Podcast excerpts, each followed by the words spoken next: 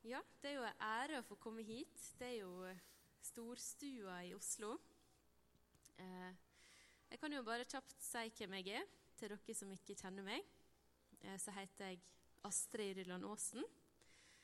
Jeg er vokst opp eh, på Sygna i Balestrand videregående skole og i Nordhordland. Eh, og så har jeg studert eh, fysioterapi. Eh, og så valgte jeg å ha turnus i Bodø. Og eh, forelska meg både i landsdelen og i min mann. Så siste fire åra har jeg bodd eh, i Lofoten med Pål Sverre. Og vi har ei jente på to år som heter Elise. Og så om to måneder så får vi en liten gutt. Så det blir veldig spennende. Eh, og det er litt sånn artig, for når, når jeg kommer sørpå, da, som vi sier i nord, så, eh, så blir jo gjerne folk litt overraska når de hører at, eh, at en bor i Lofoten, da. Eh, og så kan en jo få høre kommentarer som at Wow, tenk at du bor der oppe. Det er jo så langt nord, og det må være så tøft, og, og så videre og så videre. Og så tenkte jeg på det at eh, i Lofoten så er jeg omgitt av tja, fiskere, sant? Mange steder med fiske der. Mens her i Oslo Dere bor jo midt i sentrum av økonomi og finans. Og jeg tenker Hvem i Bibelen var det som lettest tok imot Jesus? Så jeg syns nå jeg kommer ganske greit ut av det. Så lykke til med det. Det. Dere har en stor jobb framfor dere. Jeg har lyst til å be litt til deg. Kjære far, jeg bare ber ditt nærvær inne i rommet her nå. Jeg ber om ditt lys over teksten. Det er en stor tekst vi skal lese i dag, fra ditt ord. Og jeg ber om at vi ikke må gå ut herfra og kjenne oss nedtynga av ansvar, men at du kan sette mot i oss. At du kan vise at det er du som er drivkrafta i oss. At det er din ånd som jobber i oss. Gi oss visdom, og hjelp oss å lytte etter din stemme, Jesus. Amen. Vi skal lese fra Matteus kapittel 25, vers 14-30.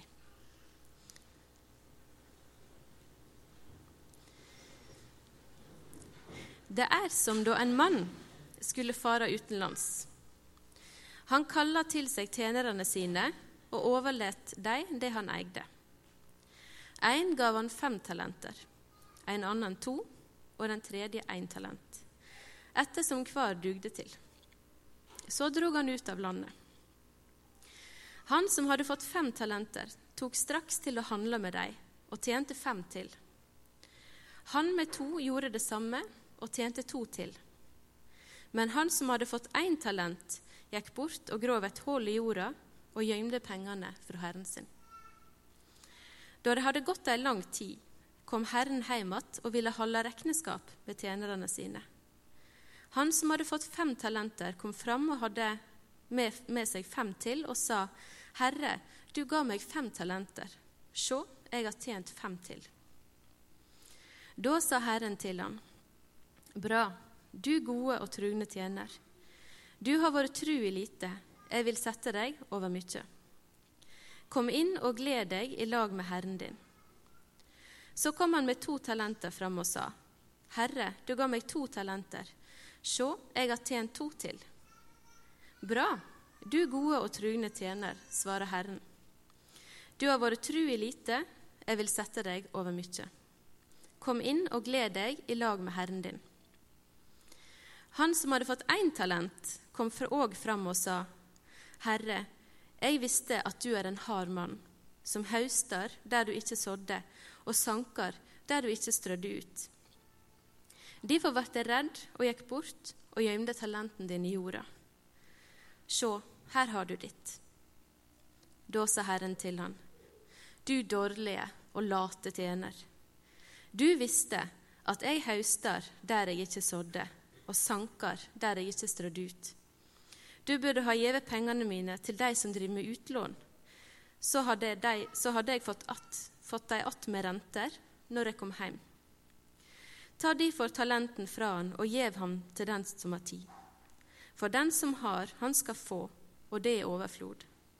Men den som ikke har, skal bli fråteken jamvel det han har. Kast den dugløse tjeneren ut i mørket utenfor, der de gret og skjær tenner. Slik lyder Herrens ord.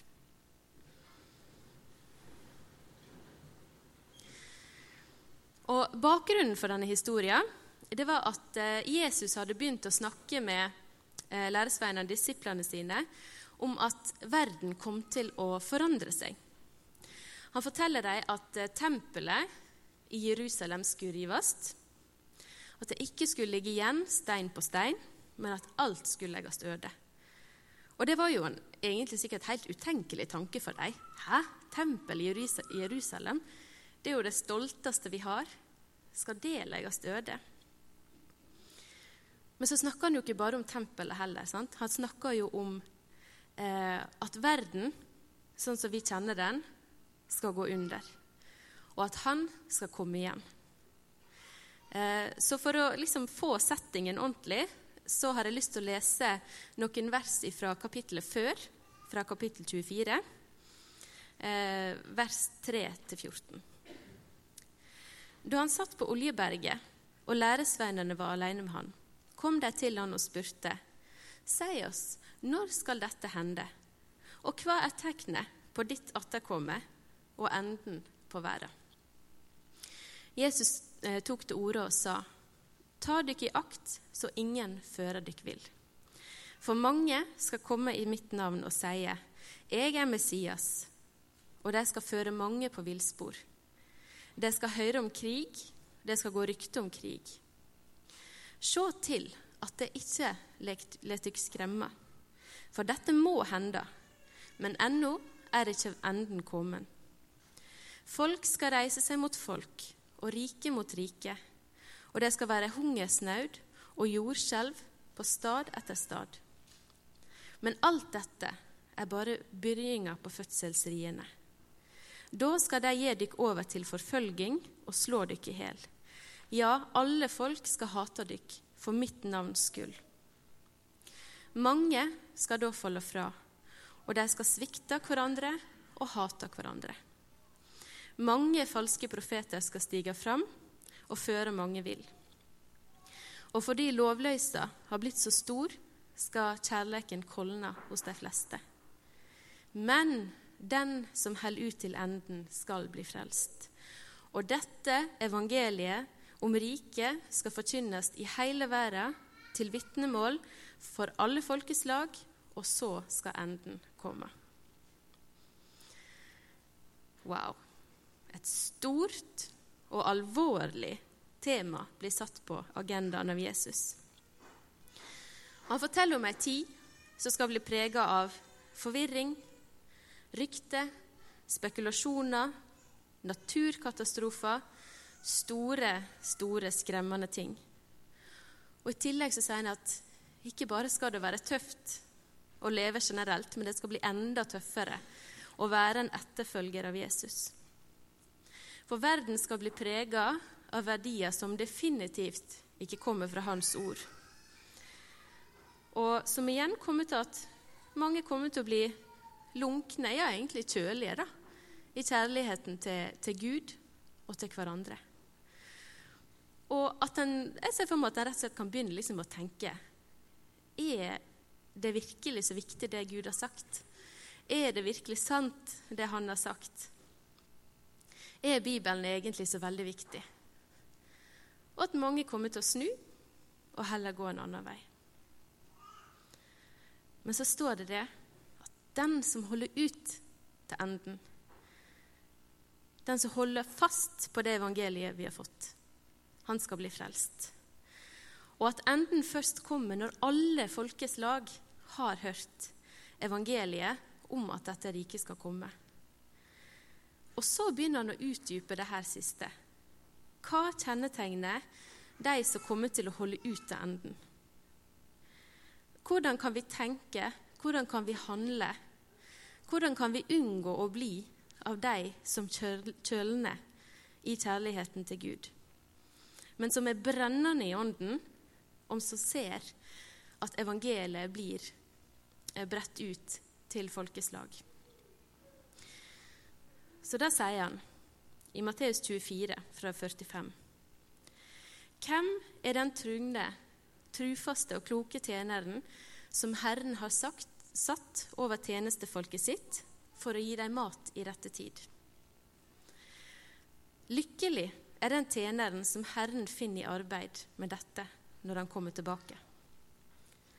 Sannelig, sier dere, Herren skal sette han over alt han eier. Men sett at det er en dårlig tjener som sier til seg sjøl Herren min dryger nok lenge enda, og tar til å slå de andre tjenerne og ete og drikke i lag med stordrikkere. Da skal herren, herren hans komme en dag han ikke venter, og en time han ikke veit av, og hogge han ned og la han fordele lagnad med hyklerne. Der skal de gråte og skjære tenner. Og Så kommer det en historie til, og så kommer den som var hovedteksten i dag. Lignelsen om talentet. Og Det er en tekst som jeg har hørt mange ganger i oppveksten min. Og jeg husker når jeg var mindre, så trodde jeg det var snakk om talent, som at f.eks. Eh, hun har talent for å spille piano. Og da husker jeg at jeg hadde veldig medfølelse med den som bare fikk ett talent. For jeg tenkte at det er jo veldig lite å komme seg gjennom livet med. Men så skjønte jeg etter hvert at ordlyden er jo ikke ett talent, men det er jo én talent. Så her er det jo snakk om noe annet. Her er det snakk om en myntenhet eh, og en vektenhet. Eh, og en talent, det var faktisk veldig masse penger. Eh, så det vi vet, er at til og med han som bare fikk én talent, han fikk faktisk veldig masse. Det kan høres veldig lite ut, men det var en veldig stor sum med penger. Eh, og så ser jeg for meg, da, så kommer han Herren, og så skal han dele ut disse her pengene til de forskjellige folka, til tjenerne sine. Og han har helt sikkert gjort vurderinger i forkant. Det sto jo det at han ga ut etter hva de dugde til. Eh, noen fikk, En fikk fem, en fikk to, en fikk én. Eh, og så kan jeg se for meg det at, at, han egentlig tok det litt som en selvfølge at hvis du får så masse penger, så kommer du til å ta vare på det eh, og forvalte det godt, bruke det godt. Og så sto de der plutselig alene, for han reiste med en haug med penger i hendene. Eh, og jeg tror nå jeg hadde fått litt kalde føtter hvis plutselig noen hadde kommet til meg og gitt meg en million kroner og sagt her må du forvalte godt. Jeg tror det første jeg hadde tenkt, var jeg tror det er mange andre som er bedre kvalifisert enn meg til å forvalte eh, si en million kroner. da. Eh, kan du ikke gi det til noen som har gått på Handelshøgskolen eller på BI, som skjønner det her med aksjer og fond og alt det der? Eh, så jeg, jeg hadde nå iallfall fått litt kalde føtter. Men de gikk nå i gang. Eh, om de gikk i gang med godt mot, det vet jeg ikke. Men de starta en forvaltningsprosess. Eh, men de fullførte ikke på samme måte. For det står at Herren var vekke i lang tid. Eh, og det står ikke hvor lang tid, men Jesus sa jo da for 2000 år siden at 'jeg kommer snart', og han er ikke kommet enda. Eh, så tidsperspektiv i Bibelen det kan jo være litt vanskelig å forstå seg på av og til. Eh, så vi kan se for oss han var nok vekke en stund, da. Og så skulle han telle opp det hele. Og den som hadde fått fem, hadde tjent fem til. Han hadde altså fordobla det han hadde fått. Og det samme med han som hadde fått to. Han hadde fått to til. Så prosentmessig så hadde han jo gjort samme jobben, for han hadde fordobla det han hadde fått. Så med andre ord, han som hadde fått én talent, han hadde bare trengt å få én til. Så hadde han gjort samme jobben som han som hadde fått fem, og fått fem til. Men eh, kanskje han hadde fått for seg Kanskje han hadde begynt å se på de andre og sett at å herlighet, han er jo i ferd med å få fem til. Og han har jo fått to til. Og her sitter jeg med min egen lille talent. Kanskje han bare hadde tenkt Vet du hva? De får det til så bra. Jeg, jeg gir opp. Jeg kan bare grave det ned i jorda. Så kan han iallfall ikke ta meg på det, at jeg tapte pengene. Jeg har nå den ene jeg fikk. Men var Herren fornøyd med det? At han hadde beholdt det han hadde fått? På ingen måte. For hele poenget var jo at han skulle forvalte det her. Hele poenget var at den gaven han hadde fått, skulle øke. Og som jeg sa i stad, hadde han bare fått én til, så hadde det sikkert vært helt suverent. Han hadde sikkert fått samme beskjed. Du trofast og gode tjener. Og Så fikk han vite det at ja, ja, men du kunne i alle fall overlatt til deg som leier ut penger, eller låner ut penger, så du kunne fått litt til. Og det er et veldig godt poeng at du kunne jo brukt ressursene rundt deg. Du kunne spurt andre om hjelp. Du kunne fått andre med deg som kunne hjulpet deg. Men jeg kan se for meg at det eneste han så, mannen, det var seg sjøl og sine manglende evner til det her. Så han bare gravde et hull. Det fikk han jo til. Eh, og det er det ikke alle som kan, men det var ikke det det var spurt etter her. Så han strøyk på gjennomføring av oppgaven. Og han blei en av de tjenerne som vi leste om i stad, som tenker at 'Herren min drøyer lenge', og så begynte han med alt mulig annet, og så plutselig så kom han. Og så sto han der eh, uten noe. Men det som er både skummelt og litt fascinerende, er jo at Jesus fortalte denne her historien for en grunn. Og det er jo for at vi er jo disse mennesker som har fått noe. Vi er barn av Gud som tror på Jesus. Vi er frelst av en nåde som er helt gratis. Skyldbrevet mot oss det er sletta ut gjennom det Jesus gjorde på korset. Vi er velsigna med Den hellige ånd, som lever i hjertene våre. Vi har Gud på innsida. Vi har en Jesus som går i forbønn for oss. Vi eier alt dette. Men vi har faktisk òg fått et oppdrag. Og det det vi har fått, det må vi faktisk forvalte. Det vi har fått sett av Guds nåde i våre liv, det har vi faktisk å fortelle videre. Som det sto i 24, kapittel 24. Og dette evangeliet om riket skal forkynnes i hele verden, til vitnemål for alle folkeslag, og så skal enden komme. Vi har fått det oppdraget for at enden skal komme. For hadde det eneste målet vært at, uh, at vi skulle bli frelst, så kunne jo bare Gud tatt oss opp til himmelen når vi hadde tatt imot Han. Men han lar oss være her fordi at mennesket der ute må få høre at det fins en Gud som elsker deg så høyt at han sendte sin eneste sønn, for at hver den som tror på han, ikke skal gå fortapt, men ha evig liv. Så da er spørsmålet, når vi har fått dette her forvalteransvaret, hvordan kan vi legge opp livet vårt på en måte som gjør at vi ikke blir som han som bare gravde ned det han hadde fått? Og jeg tror at det var noen rent praktiske forskjeller på hvordan de tenkte og handla. Eh, han som fikk fem, han som fikk to, og han som fikk én. Eh, og dette blir jo selvfølgelig bare eh, spekulasjoner, men Det må jo ha vært en forskjell i tankegangen deres. For hvis ikke, så hadde de jo handla likt. Og jeg tror rent praktisk at en av tinga var hvordan de, hvordan de la opp hverdagen sin.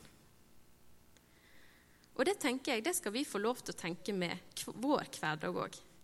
Hvordan legger jeg opp min hverdag i forhold til det forvalter, forvalteransvaret jeg har fått? Er det sånn at vi først tenker eh, jobb, familie og fritid, og så ser jeg hva, hva jeg har til overs for Guds rike? Eller tenker vi hva krever Guds rike av meg her som jeg bor, og hvordan kan jeg prioritere det andre ut ifra det? Sånn rent praktisk. Legger jeg opp treningsveka mi først, og så ser jeg om det er plass til bibelgruppe? Eller legger jeg først opp bibelgruppe, og så ser jeg om det er tid til å trene? Helt konkrete eh, spørsmål som jeg kan stille seg. Eh, velger jeg hva fjellturer jeg skal gå på, og så ser jeg om jeg har tid til å gå på gudstjeneste? Eller tenker jeg gudstjeneste, det er fast, og så går jeg på fjellet utenom der? Helt konkrete. Eller Nå skal jeg faktisk eh, snakke om penger. Det er skummelt, men jeg gjør det likevel. Har vi så store utgifter, har vi så store lån, at vi må jobbe 100% pluss overtid for å kunne betjene det? Eller har vi tid til å bruke, bruke tid med de som søker Jesus? For min erfaring er at hvis en er med og leder noen til Jesus, så krever det noe av deg. Det krever tid til telefonsamtaler, kafébesøk, bibelstudie, møte opp før gudstjeneste, prate etter gudstjeneste osv. osv. Og da må jeg legge opp min hverdag sånn at jeg har tid og overskudd til dette. Og det er helt konkrete prioriteringer. Og Jeg sier ikke at jeg er det beste eksempelet i verden på det. Selvfølgelig ikke. Men vi må ha det i tankene. Hva kommer først, og hva kommer nummer to? Jeg kan se for meg at han med den ene talenten at han kanskje nesten glemte det litt sånn av i hverdagen. Eh, at det ble et sånt stressmoment som bare lå og liksom trykka der. At, uff, å nei, det var jo denne talenten jeg skulle forvalte. Åh, Når skal, skal, jeg få tid til det, liksom? Og at han til slutt bare Nei, vet du hva, jeg graver han bare ned. Jeg har ikke tid til det her. Jeg orker ikke. Det er bare et stressmoment. Som sagt, det blir jo bare spekulasjoner. Men noe må jo ha gjort at han ga opp.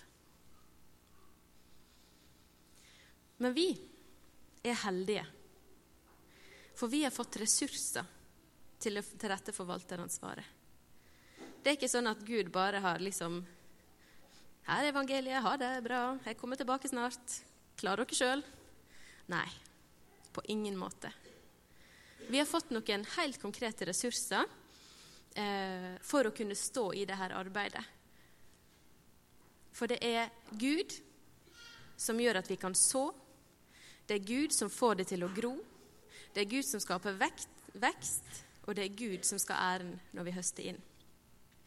Og En av de tingene vi har fått, det er nådegave. Bibelen i 1. Korinterbrev, kapittel 12, beskriver at alle vi her inne, og da mener jeg faktisk alle dere her inne, er som kroppsdeler på en kropp som bygger opp Jesu menighet, der han er hodet, og der vi skal eh, finne ut hva kroppsdel vi er.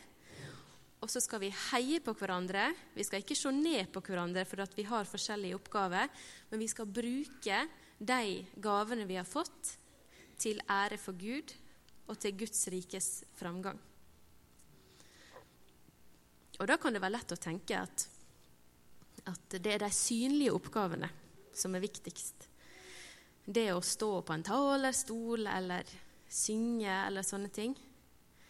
Men jeg vil si det at de viktigste kroppsdelene vi har, de ser vi ikke ut på oss. For eksempel Eh, hvis du kjenner noen som har diabetes eller har diabetes sjøl, så vet du at bukspyttkjertelen den er helt avgjørende for at du kan leve. For der blir det produsert insulin. Stemmer ikke det? Ja, takk. Eh, og det er eh, en kroppsdel som jeg ikke tenker over hver dag, iallfall. Men jeg vet det, at hvis den slutter å gjøre jobben sin, eh, og jeg ikke får medisinsk hjelp, så dør jeg. Superviktig. Og på samme måte som at alle organer, alle kroppsdelene må gjøre sitt, sjøl om den er skjult, sjøl om den er bitte liten og ser ubetydelig ut, så må vi tenke hva kan jeg gjøre? Hva er min plass på Kristi kropp? Hvordan kan jeg bidra? Og ja, det er forskjell på mennesket. Alt ifra personlighet, interesse, og eh, talent, ikke som i myntenhet, men som faktisk i talent, skiller, skiller oss fra hverandre. Noen er utadvendte, andre er mer innadvendte. Noen er liksom rastløse og veldig flinke til å sette i gang ting, men andre er veldig flinke til å holde fast på en oppgave over tid. Noen liker å stå framfor folk, andre gjør det ikke. Noen er tonedøve, og andre er det motsatte av tonedøve. Men det som betyr noe, det er ikke hva du er utrusta med, men det er om du er villig til å bruke det til Guds ære, og la Han få bruke det i deg. For Han har bruk for alle. Og jeg sier det igjen, det er faktisk hver og en av dere her inne. Det er alle. 100% av dere som sitter her inne. Han har bruk for den der energiske ungdomslederen sant, som, som, gjør triks med eh, bordtennisball og støvsuger og eh, sånne ting som det der. Og så har han bruk for den tålmodige sjelesørgeren. Prøv å bytte rolle på de to. eh, og han har bruk for gateevangelisten som står på ei bruskasse og proklamerer ut eh, evangeliet og han har bruk for en trufast nabo som stiller opp for de som trenger, trenger den eh, rundt seg. Og du må ikke tro det. Uansett, du, uansett hvor gammel du er, eller hvor du kommer fra, hva som helst, du må ikke tro at du kan unnlate å bruke det du har fått. For det er ikke opp til deg å bestemme om du duger eller ikke. Det er ikke det. For det er Gud som utruster deg. Og når vi leser i Bibelen, så ser vi menneske etter menneske som ikke hadde de store talentene å skryte av. Altså, Vis meg en person i Bibelen som bare briljerte på alle områder. De fins ikke. Så Derfor skjønner jeg ikke helt hvorfor vi tror at det er sånn det skal være. Jeg tenker f.eks. på David, som vant over kjempen Goliat. Den første oppgaven han fikk, det var ikke å gå rett i kampen med Goliat. Den første, første oppgaven han fikk, det var å gå med mat til brødrene sine, som var i hæren mot filisterne. David han var hjemme og gjette småfe. Sant? Ikke storfe engang. Småfe. Og så fikk han beskjed av faren sin at kan du gå med mat til brødrene dine. Ja, ja, ja, det kan jeg, det kan jeg klare. Enkel, grei oppgave. Og så kommer han fram til hæren der, og så ser han at Goliat går fram hver dag og bare spotter Gud. Taler han ned. Og så kommer David og bare eh, Er det ingen som gjør noe her? Er det ingen som tenker noe om dette her? Er det ingen som har noen innvendinger mot dette her? Og når han begynner liksom å, å, å, diskutere litt med folk, så får han beskjed om å ikke bry seg. Har dere tenker dere? En heil hær sier til en gutt Nei, nei, nei. Hysj, ikke tenk på det der. Han måtte faktisk kjempe for å komme seg til Saul og si at 'jeg skal ta denne oppgaven'. Men det var, ikke, det var ikke David eller de rundt han som ga han styrke til å stå i den kampen Heller tvert imot, han fikk jo direkte motstand. Ikke engang rustningen til Saul fikk han, eh, fikk han med seg, for den var altfor stor. Men han tok med seg det han var vant til å bruke. Han tok med seg det han brukte når han var ute og gjette småfe. Han tok med seg en slynge og en stein. Og så tok han med seg tillit til Gud. Og han tok med seg tidligere erfaringer om at Gud hadde redda han fra løve og bjørn. Han tok med seg Guds kraft inn i det hele. Og så vant han over Goliat, med målet, som David sa, at folk skal se at Israel har en gud. Han gjorde det for å ære Gud, og han gjorde det med Guds kraft. Og Bibelen sier igjen og igjen at vi skal være frimodige og sterke i Gud i de kampene vi står i i hverdagen. For jeg merker sjøl når jeg snakker med andre kristne, eh, som f.eks. sier at uff, jeg er så jeg er så sliten i den tjenesten jeg står i. Og det er en helt ærlig sak. Det er klart en kan bli sliten. En kan tvile. Det er mange ting som kan skje. Men hva sier vi da? For det er lett å si Det kjenner jeg for deg at liksom, ja, uff, ikke, ikke, tenk på det der. Bare, bare, legg det fra deg. Litt sånn som når David kom til, til hæren, og de som var Nei. Så sier Bibelen, vær frimodig og sterk. 'Jeg skal gå med deg'. Søk meg, jeg skal gi deg det du trenger. Jeg skal sørge for deg. Våg å gå ett steg til. Jeg skal sørge for deg. Og kanskje har du fått hørt at, at du ikke duger til noe. sant? Kanskje du har fått hørt at ja, men du er nå sånn, og du er nå sånn. Jeg har f.eks. fått hørt hele livet at jeg er veldig rotete. Og det var jeg helt fram til jeg fant ut at jeg kunne rydde. Og da var ikke jeg rotete lenger. Men jeg håper at du kan få kjenne på støtte fra det kristne fellesskapet. At du kan bli satt mot i av de rundt deg til å ta fatt på den tjenesten som Gud har for deg. Fordi at som det står i teksten som vi leste, så er det ikke greit å bare grave det ned det du har fått. For selv om du tror at det er lite, så blir det så stort når Gud får lov til å slippe til. Det er Gud som setter oss i stand til det. Og noen blir tiltrudd mindre, og noen mer. Det står det, sant? Han ene fikk fem, og andre fikk to. Men, alle, men de to, begge de to fordobla det de hadde fått, og det var godt nok, sjøl om sluttresultatet var ganske ulikt. Det var jo seks talenter som skilte dem. Og så må vi huske at det er, det er Den hellige ånd som kjemper kampene våre. Gjennom bønn, gjennom påkallelse, gjennom å bruke tid med Guds ord. For vi kan ikke forandre mennesket eller skape tro i mennesket. Ikke i det hele tatt.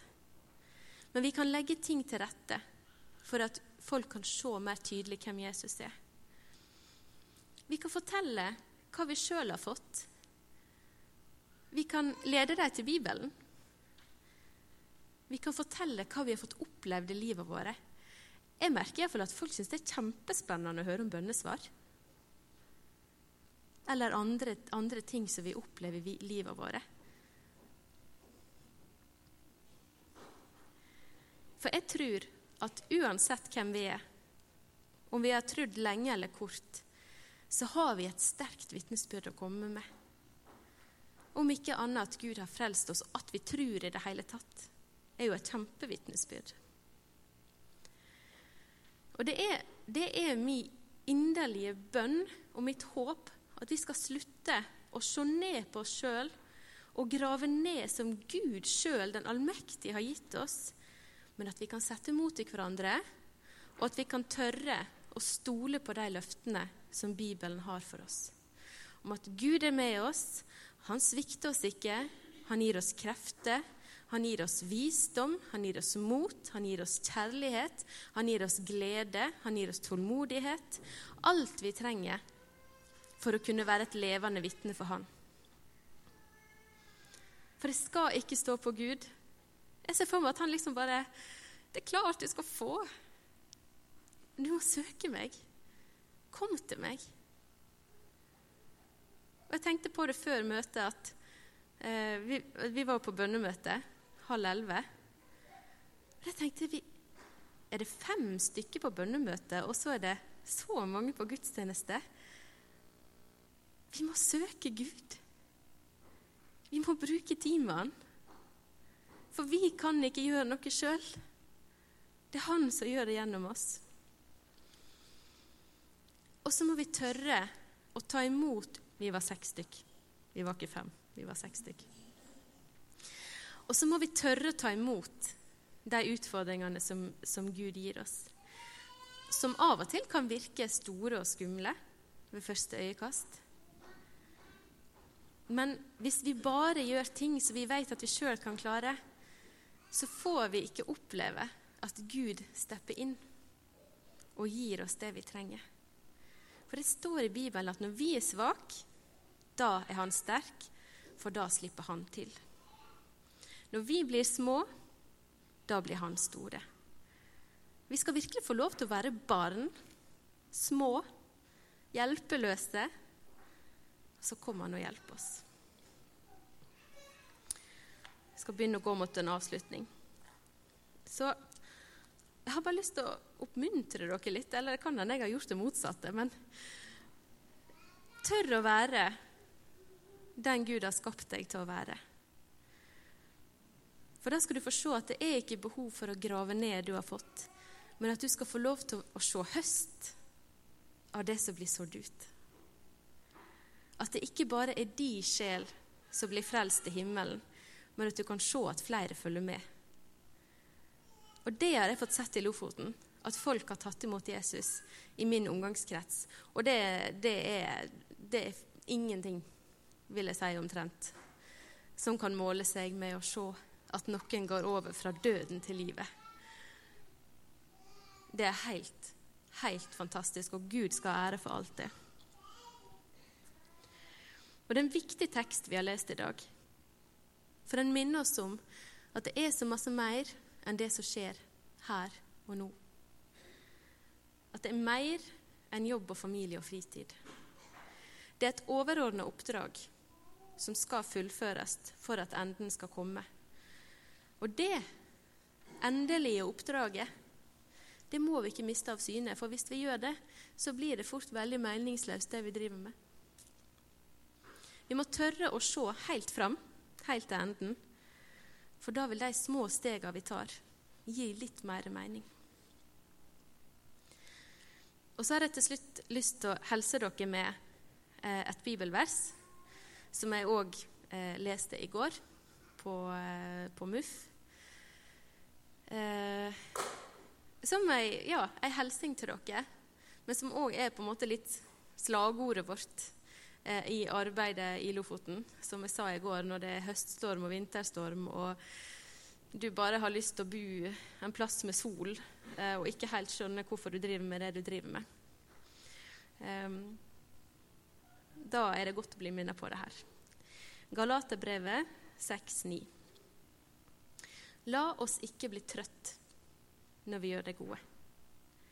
Når tida er inne, skal vi høste, bare vi ikke gir opp. La oss ikke bli trøtte mens vi gjør det gode. For når tida er inne, så skal vi høste, bare vi ikke gir opp. Det er Guds ord til oss. Det er hans løfte til oss. Og Jeg har bare lyst til å oppmuntre deg til å ta det med deg og tro på det. Amen.